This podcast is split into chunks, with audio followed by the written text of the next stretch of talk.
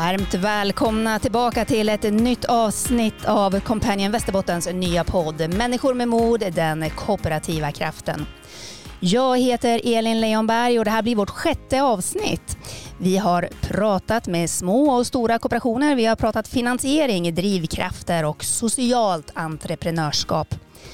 Och någonstans där i bakgrunden har vi ju förstått att Companion har ett finger med i spelet men långt ifrån alla har en tydlig bild av både Companion och den kooperativa tanken. Och idag ska vi reda ut det här, tänker jag. Och med mig här i studion för att göra det har jag Roger Philipsson som är verksamhetsledare på Companion i Västerbotten. Hej Roger! Tackar. Hur är läget? Det är bra. Det har varit en, eh, redan igång klockan är nio på morgonen. Ja, du är upptagen man du. Du, vad tänker du om den här verklighetsbeskrivningen som jag just gav i inledningen? Med att eh, alla kanske inte har en helt tydlig bild av både kooperativet och eh, Companion.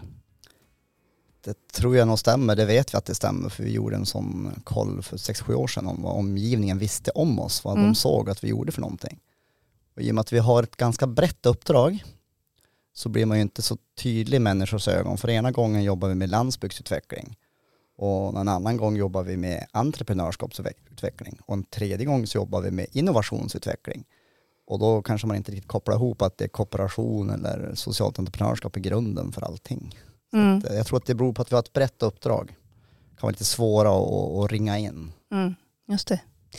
Eh, I det här avsnittet så ska vi också skicka med en rad tips till alla lyssnare som sitter på idéer som de vill genomföra. Eh, och då pratar vi om idéer som kanske inte ryms inom ramen för den traditionella affärsmodellen så att säga. Eh, men vi ska spara lite grann på det. Och först Roger ska du få chans att nu en gång för alla förklara vad Companion gör. Oj, jag kan väl börja i änden varför vi finns till lite grann så sätter jag vad vi gör efter det. Eh, man bestämde i, i riksdagen att det borde finnas ett bredare entreprenörskap och tog fram en förordning för kooperativ utveckling som alla 21 län och regioner ska verkställa. Så att vi vilar på ett uppdrag från riksdagen som sen eh, har lagts ut på Tillväxtverket som skriver liksom våra inriktningar exakt för hur vårt uppdrag ska se ut. Så att vi, vi har ett tydligt uppdrag därifrån och då i, i den stora bilden då säger de att ni ska jobba med lokal och regional utveckling med den kooperativa metoden och organiseringen i grunden. Och sen ska ni jobba med entreprenörskap och företagsutveckling med den kooperativa metoden i grunden. Så att det är de två breda penseldragen. Sen den tredje delen är att eh, utveckla, det, det, det finns en tredje inriktning som säger att utveckla nya metoder och arbetssätt för att göra just lokal och regional utveckling. Arbeta med nya metoder och arbetssätt för att göra just entreprenörskapsutveckling. Därför att den typen av kooperativ utveckling och social innovation som Companion jobbar med är ju som jag säger inte kanske normen på entreprenörskapet. Och när du jobbar med sådana typer av eh, entreprenörskapscase då måste du påverka strukturen och systemet lika mycket som du hjälper entreprenören. För entreprenören når inte fram. För idén och tänket är så pass ja, nydanande eller annorlunda. Så att eh, det finns som inte den, man kan inte vandra den vanliga vägen. Hur är det då att jobba för att faktiskt försöka förändra normer? Och... Ja, men man tror att eh, när man kommer till Companion som medarbetare, eller jag som när jag kom hit, då, då är vi otroligt värderingsdrivna. Vi brukar säga att vi är en av de få riktigt värderingsdrivna eh, rådgivningsorganisationerna. Så att alla som jobbar på Companion, merparten av oss har- är väldigt tydligt värderingsdrivna. Och är man värderingsdriven så, så vill man ju försöka sätta den värderingen, implementera de värderingarna vi står för i samhället. Så det känns lite grann bara att leva sina egna värderingar i jobbet och försöka sätta dem då hos de som har makten eller pengarna. Mm. Det vill säga politiken och våra institutioner och våra myndigheter och kommuner etc. Så att, liksom att verka där på att förändra det i, i, i en riktning som vi då har enats om inom Companion Sverige, för vi är 120 medarbetare i 21 regioner, så att vi, vi är ju en stor aktör nationellt. Och i Västerbotten är vi sju stycken som jobbar. Så att, eh, att jobba då med den kraften och lära av och med varandra att förändra de här normerna och strukturerna, det är liksom det är en väldigt viktig del i jobbet. Sen när du möter Kerstin eller Kalle eller en grupp, en byautvecklingsgrupp, så är det kanske inte det du pratar med dem. De har ju ett case, hej, förskolan håller på att läggas ner. Vi måste ta över förskolan, hej, vi vill ha bättre service på vår landsbygd. Hur skulle vi kunna ha en obemannad butik? Hej, det finns inga transporter som går så våra unga kan ta sig till och från vårt område. Kan vi göra en kollektiv transportlösning som vi äger själva? Etc, etc.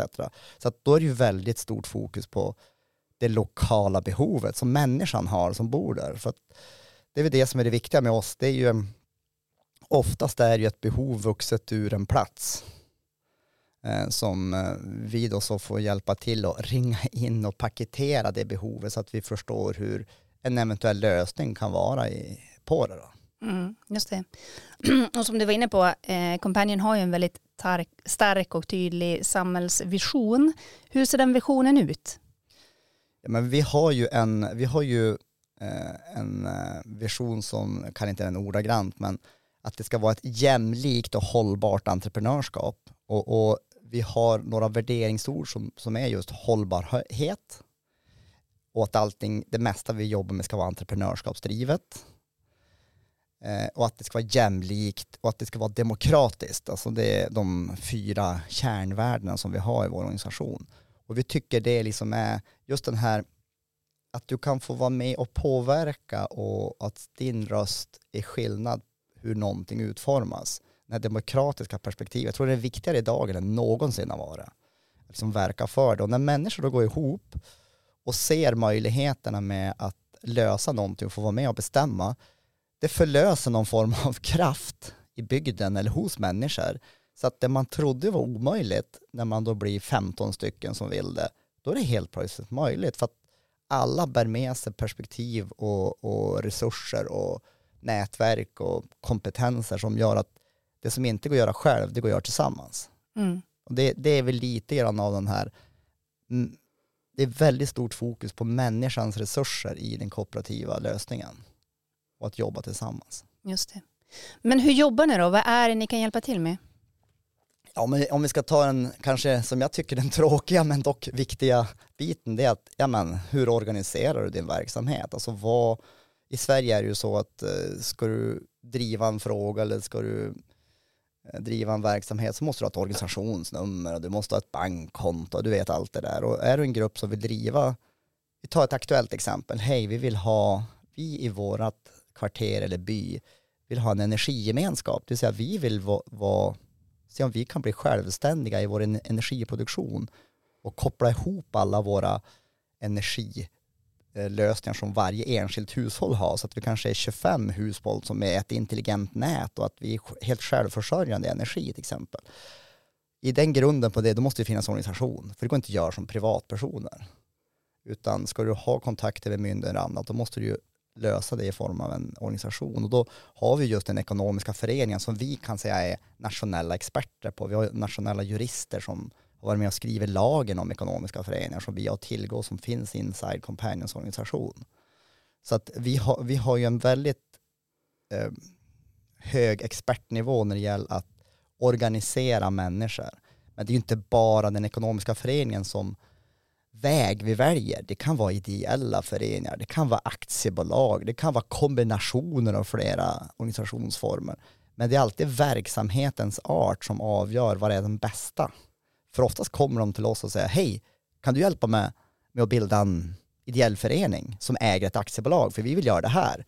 så bara man på fråga om vad det egentligen de vill göra och så är det inte alls den formen, den strukturen, men man är väldigt snabbt nere på vad jag vill ha för organisation. Men då börjar vi på att prata verksamhet, börjar vi på att prata om vilka ska äga den, börjar på att prata om hur ska ni styra och leda den, organisera. Alltså, så, och då helt plötsligt säger ja men du kanske ska ha en ekonomisk förening i botten det är det, det, bästa för dig. Mm. Så att, det, det är väl ett tydligt exempel, den organisatoriska biten. Sen är det ju det som du sa det innan när jag haft poddar om finansiering. Alltså våra entreprenörer och våra kooperatörer ute i länet har det inte så lätt att komma åt eh, kapital och finansiering eftersom man är då en verksamhet som kanske inte passar in i, struktur och ramar. Så vi har ju ett väldigt brett kontaktnät och eh, 15 års erfarenhet av att hitta de här resurserna som du måste ha för att kunna ta första steget framåt. Och då har vi själv myntat ett begrepp att vi jobbar med lapptäckesfinansiering som vi brukar säga. Du vet när man syr ett lapptäcke så du börjar med en lapp och det kanske är förstudiepengen på 50 000 som du fick av kommunen. Och utifrån den lappen så ser att eh, Tillväxtverket har ju en servicebidrag man kan söka just nu för att ha ökad kommersiell service på landsbygden och så får du 300 000 från dem. Så syr du fast den lappen och när du har gjort det då upptäcker du att det finns ju möjlighet att gå till Vinnova eller möjlighet att gå till regionalfond eller möjlighet att gå till X, Y, Z, Å, Ä, Ö. Och så syr du de där lapparna fram så att till slut så har du en komplett finansiering på allt ifrån 500 000 till 50 miljoner som jag varit med om. Mm. Så att den där förmågan att vara långsiktig och tänka som ett lapptäcke, att du syr fast saker längs vägen och allting inte sker nu. Vi har ett tre till fem års perspektiv för att etablera den här servicelösningen eller den här behovslösningen som finns. Då öppnar det en helt annan möjlighet än om du som företagare idag, hej jag behöver 10 miljoner att starta mitt företag om sex månader. Mm. Det är väldigt svårt mm. för oss att få de pengarna utan då, vi måste ha en annan eh, sätt att se på resurser. Just det, och då kan ni hjälpa till att söka de här pengarna också eller? Vi hjälper till att guida, vi kan ju inte skriva, alltså då skulle vi inte få göra annat än hålla på och skriva utan vi får ju guida dem rätt så att de vet vart de vänder sig och kanske mm. säga nu för att få nästa bit i lapptäcket, vänd dig dit, skriv där, återkoppla till oss så kan vi se om du är på rätt spår och så vidare. Så att vi, vi är en guide kan man säga i, i den här finansieringsdjungeln som finns. Mm. Vem är det som kan vända sig till er då? Ja, i och med att vi är avgiftsfria och vi har offentliga medel från Tillväxtverket, vi har också offentliga medel från vår region, det vill säga Region Västerbotten, för att jobba med kooperativ utveckling och social innovation om man säger så. Så att alla är ju fria att komma till oss. Det finns ingen begränsning att du måste jobba med någon ver viss verksamhet eller att du måste vara i någon viss kommun, utan det är alla 15 kommuner i länet. Och eh, verksamheten har ju ingen begränsning. Det är, vi, vi är specialist på, på, organisering och finansiering och innovation då eh, som ett eh, litet extra ben vi, vi tycker vi är duktiga på. Så det spelar ingen roll var du är utan kom med de delarna så, så tar vi dig fram och så har vi ju ett metodbibliotek kan man säga. Eh, vi är ganska metodstarka och, och, och, lägger ju in idéerna i metoder för, för då vet man att man kan jobba systematiskt och nästan evidensbaserat framåt så att man ser att man tar stegen i rätt ordning och att man inte slösar med sin tid eller sina resurser. Mm, just det. Men jag tänker att vi ska ta och reda ut lite begrepp också. Eh, socialt entreprenörskap pratar vi en hel del om. Eh, sociala företag, vad är det? Socialt entreprenörskap, det har ju kommit från ute i Europa där man pratar om social business. Och social ute i Europa, det är ju samhällelig, alltså i betydelsen. Så någon form av samhälleligt entreprenörskap som gör tydlig allmännytta. Det vill säga det, det, är nyttigt för människorna som bor på platsen, eller nyttigt för platsen. Det är inte bara nyttigt för mig att jag som enskild entreprenör eh, tjänar pengar och blir rik och sen gagnar det inte så många andra. Utan ett socialt entreprenörskap har alltid ett syfte att eh, skapa någonting bättre i samhället. Och just det sociala entreprenörskapet skiljer sig ju på så vis att du kan vara flera, du kan vara själv det spelar ingen roll liksom, hur många du är i det sociala entreprenörskapet, utan eh, du driver en fråga, om det sen är barnrättighetsfrågor eller äldres ensamhet eller hållbara förpackningar eller chokladtillverkning. Du är en social entreprenör för du gör det på ett sätt som gagnar samhället. Mm. Vad är det som gör då, tror du, att det är så, kan vara så svårt att dels hitta pengar men också att hitta affärsidén i ett socialt entreprenörskap? Oj, nu ska jag behöva en hel dag för det här. Nej, men alltså jag gör en, en hypotes. Mm. Vi lever i en struktur idag i samhället som är byggd på ekonomiska normer. Alltså vi har ju en, en marknadsekonomi som det kallas. Den marknadsekonomin kommer ju från att någon någon gång har gjort en social konstruktion av att så här ska affärer fungera. Så här ska relationer för att göra affärer fungera. Så här ska du kunna låna kapital inom den här marknadsekonomin och så vidare. Och om du då kommer med en idé som inte bygger exakt på de incitament eller mätetal som den här marknadsekonomin eh, har, då blir det lite svårare liksom att komma in på den marknaden, ta del av de resurserna, ta del av de stödsystemen som finns. Eh, det är väl därför vi blev så glada när Agenda 2030 äntligen kom. Därför att i Agenda 2030 så är det ju väldigt stort fokus på, på hur samhället ska bli bättre och hur vi liksom ska nå dit. Så att det är ju ett eh, ganska tydligt samhälleligt mål i Agenda 2030. Och, och då helt plötsligt så blev det populärt med det, det man inom innovationsstödsystemet kallar impactbolag. Alltså bolag som gör impact. Men då, då hittar man på ett nytt begrepp helt plötsligt för att liksom komma in, därför att det internationellt sett pratar man om impact. Och i Sverige har vi jobbat med kooperation och kanske den här typen av socialt entreprenörskap under lång period. Så att eh, det är egentligen liksom, det finns många närliggande begrepp för ungefär samma sak, men vi försöker liksom sära på dem så att det sociala entreprenörskapet som är oftast för oss en, en eller två personer som jobbar med en, en samhällsnyttig idé eh, som man liksom kombinerar affären och samhällsnyttan i, både, i denna businessen. Just det. Eh, vi lever ju i en tid med ganska stora samhällsutmaningar men även eh, ett behov av att ställa om, att kanske börja leva annorlunda och så vidare. Tror du att den sociala ekonomin kommer att fortsätta växa i den omställningen eller vilken plats eh, har social innovation här? Jag är glad att du säger social ekonomi, för Europa pratar, med EU-kommissionen pratar bara social ekonomi. Och i Europa så är kan inte siffran exakt, men jag tror att det är 7% nästan som den sociala ekonomin är av hela Europas ekonomi. När man, liksom har, man mäter den årligen, hur stor mm. den är. Den är mycket, mycket större ute i Europa än i Sverige. För vi har haft en stark stat Just det. som har täckt upp. Men, men har man inte en stark stat som täcker upp eller man bor på landsbygden och det, det finns ingen faktiskt offentlig service eller något annat, då måste man hitta ett sätt. Man vill ju, man vill ju fortfarande, det ska vara jämlikt att leva i, i vilket kommun som helst, i vilken del av landet som helst. Då löser man ut det själv oftast. Så jag tror liksom att, att eh, i Sverige så har vi haft det ganska bekvämt av att vi har ju haft någon som har servat oss. Men nu ser vi alla att det är inte lika mycket pengar som det, det, offentliga har att röra sig med och då tror jag liksom det här typen av socialt entreprenörskap, kooperativt entreprenörskap, social innovation kommer att göra ett inträde liksom för att vi vill inte göra avkall på välfärden mm. och servicen. Just det. Och nu nämnde du då nästa begrepp som jag vill att vi pratar om, eh, kooperativ. Och den kooperativa kraften som vi pratar om och mm. den kooperativa tanken. Eh, när man inte är helt insatt i det här tänket så kan det lätt låta lite gammaldags med kooperativet. Eh, men vad är det som är fördelarna tycker du? För det här är ju ändå ett tankesätt som är, kan man säga att det är på uppgång? Ändå. Ja men alltså det är ju det väldigt kanske. många organisationer, företag, grupper som jobbar kooperativt utan att säga att man är kooperativ. Mm.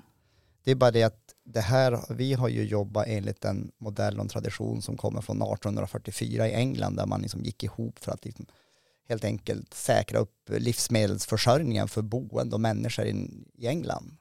Och, och, och det handlar egentligen om att när människor går ihop, organiserar sig för att ta, driva framåt en lösning på ett behov som man har, då har ju vi en eh, definierat, okej, okay, när man gör det och enligt vissa grundprinciper, då jobbar man kooperativt.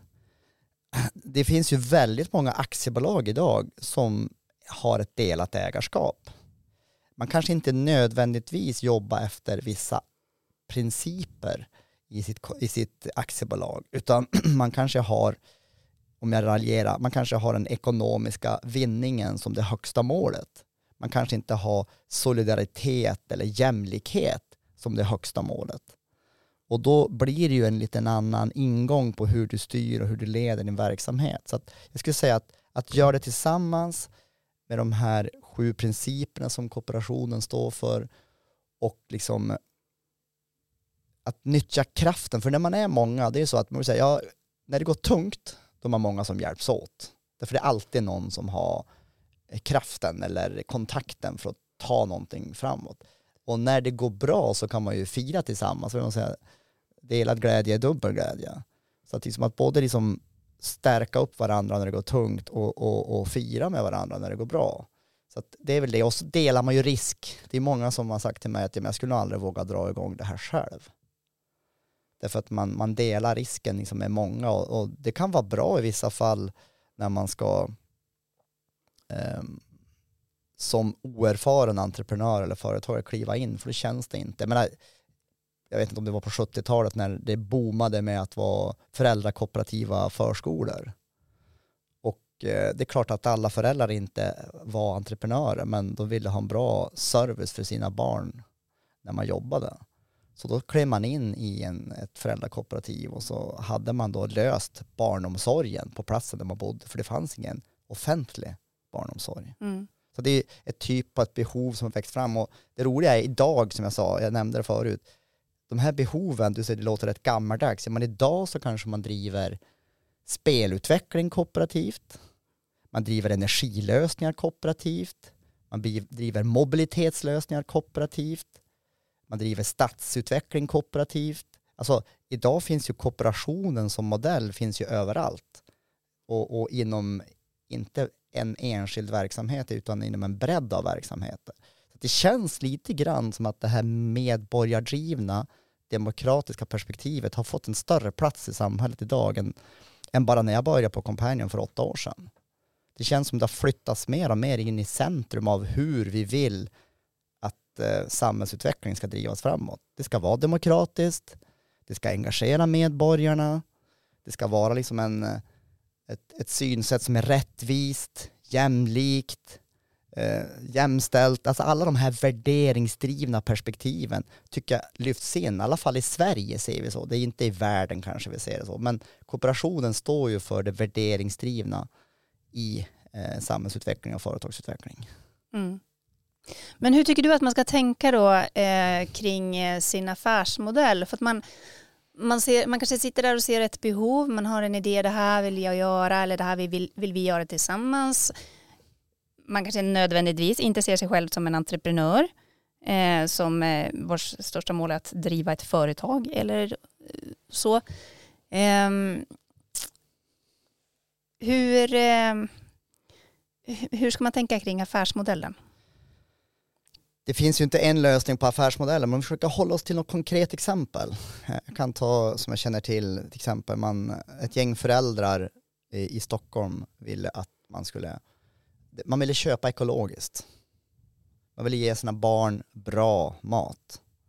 Och man gick och skulle handla och tyckte det var så svårt att handla bra mat. Nu pratar vi kanske fem, sex år sedan. Eh, och, och, för att göra det så tänkte jag, men, men okej, men hur skulle det vara om vi startar en affär?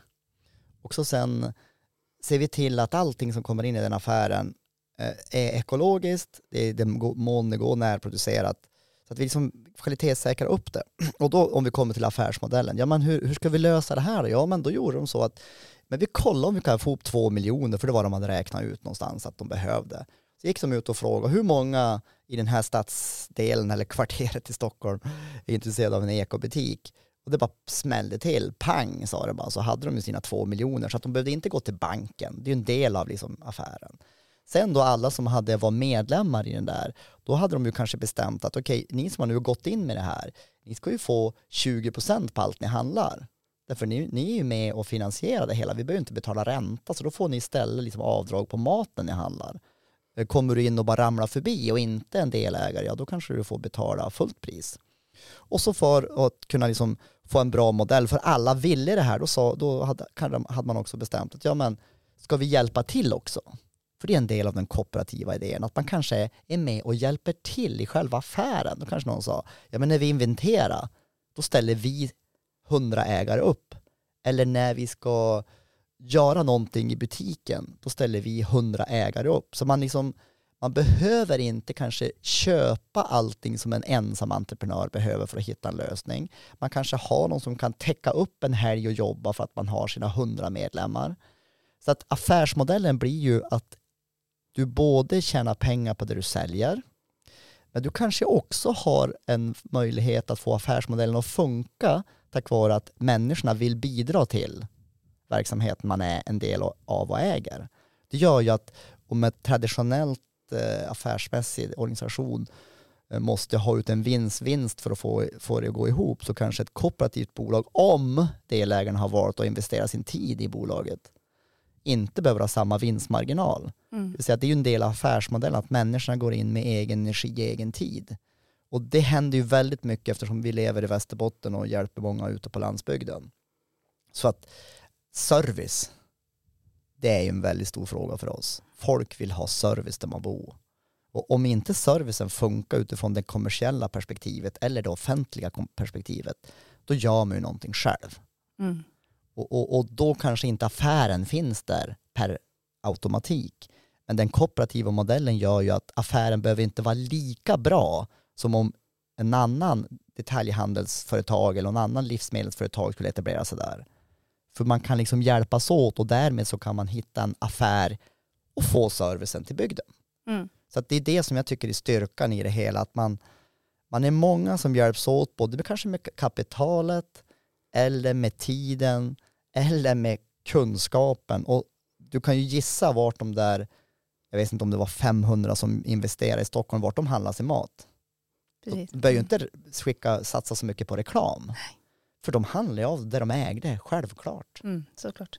Och det är ju det här kanske de nya kooperativa löser. vi har ju tappat bort det, vi brukar prata Companion har ju en fantastisk ägarstruktur i Västerbotten. I hela Sverige har vi så. Vi är typ 1300 ägare till olika Companion-distrikt. För varje Companion-distrikt ägs av sig själv. Alltså Västerbotten är ett distrikt som har en egen organisation.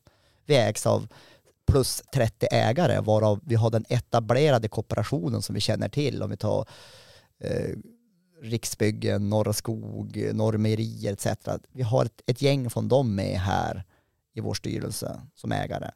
Och sen har vi kommuner. Alla 15 kommuner i Västerbotten är våra ägare. Region Västerbotten är våra ägare.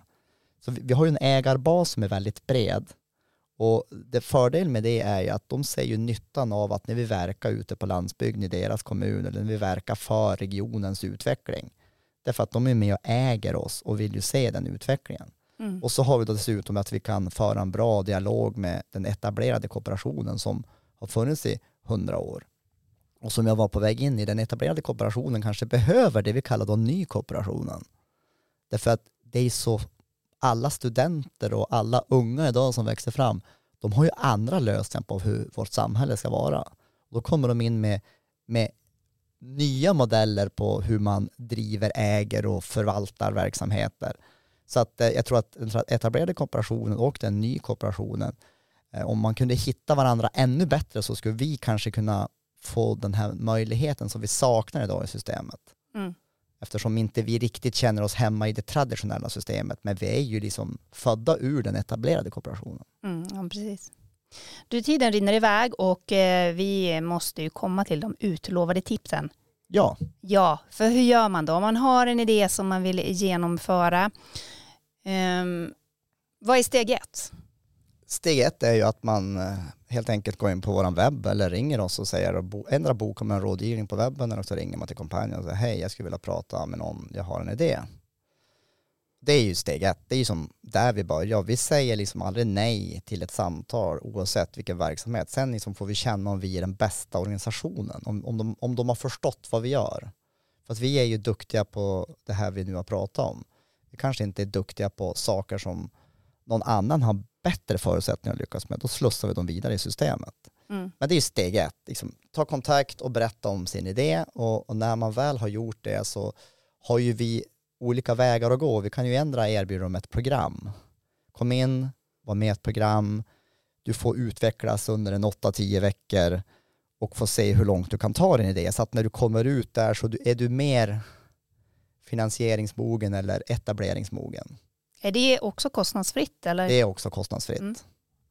Så att det har vi möjlighet och det har ju de flesta företagsfrämjande systemen. Men vi är ju experter och tittar ju extra mycket på hur man jobbar tillsammans naturligtvis. Eller man har en samhällsnyttig affär. Så det är som våran USP i det hela. Det andra är ju om man eh, kommer in eh, till oss och, och är ensam. Jag, säger, jag vill inte gå, jag vill ha hjälp med specifikt den här. Hej, jag är en ideell förening som äger en verksamhet som omsätter 7 miljoner och vi skulle renovera våran köksdel. Vi får inte tag i några pengar. Vi, bara för att vi är en ideell förening, varför då? Varför får inte vi gå till banken? Vi är en ideell förening och säger nej, ni får inte låna några pengar. Vi omsätter ju två miljoner per år, men vi får inte låna några pengar ändå. Mm. Bara för att vi är en ideell förening. Ja, då är det ett specifikt, väldigt eh, konkret case. Och då måste vi hjälpa dem att se till att de blir eh, trovärdiga liksom, på en kreditmarknad i det specifika fallet. Så då jobbar man ju individbaserat eller individuellt med kunden. Så att det är de där två vägarna vi har. Ändra jobbar vi individuellt rådgivning, ta kunden framåt, eller om de är i, som en, i startfasen av en idé och, och då försöker vi samla dem i en grupp och så drar vi dem framåt. Men det är ju den nya, sen har vi de etablerade, som jag sa också, de som kommer in och säger hej vi har en utmaning framför oss eller vi har en möjlighet framför oss och vi har funnits i 25 år. Eh, men vi undrar bara, kan ni, kan ni hjälpa oss att, att tänka liksom i nya banor för vi vill ha lite ett bollplank på hur, hur vi ska ta nästa steg inom vår verksamhet, för vi är idag en kooperativ eller idéburen organisation. Och, och, då kan vi även hjälpa dem fast de har funnits i 25 år. Så att, men då är det oftast individuellt, då är det ju en individuell rådgivning och allting är avgiftsfritt. Men vi har en begränsad tid, vi kan ju inte lägga ner hela vårt, vårt liv på dem. Så vi brukar säga alla som kommer till oss får alltid tio timmar av oss. Just det. Och, och, efter tio timmar då, då måste vi fundera hur vi löser det för att eh, där någonstans går gränsen för hur mycket tid vi kan lägga. Mm. Vad brukar hända då då?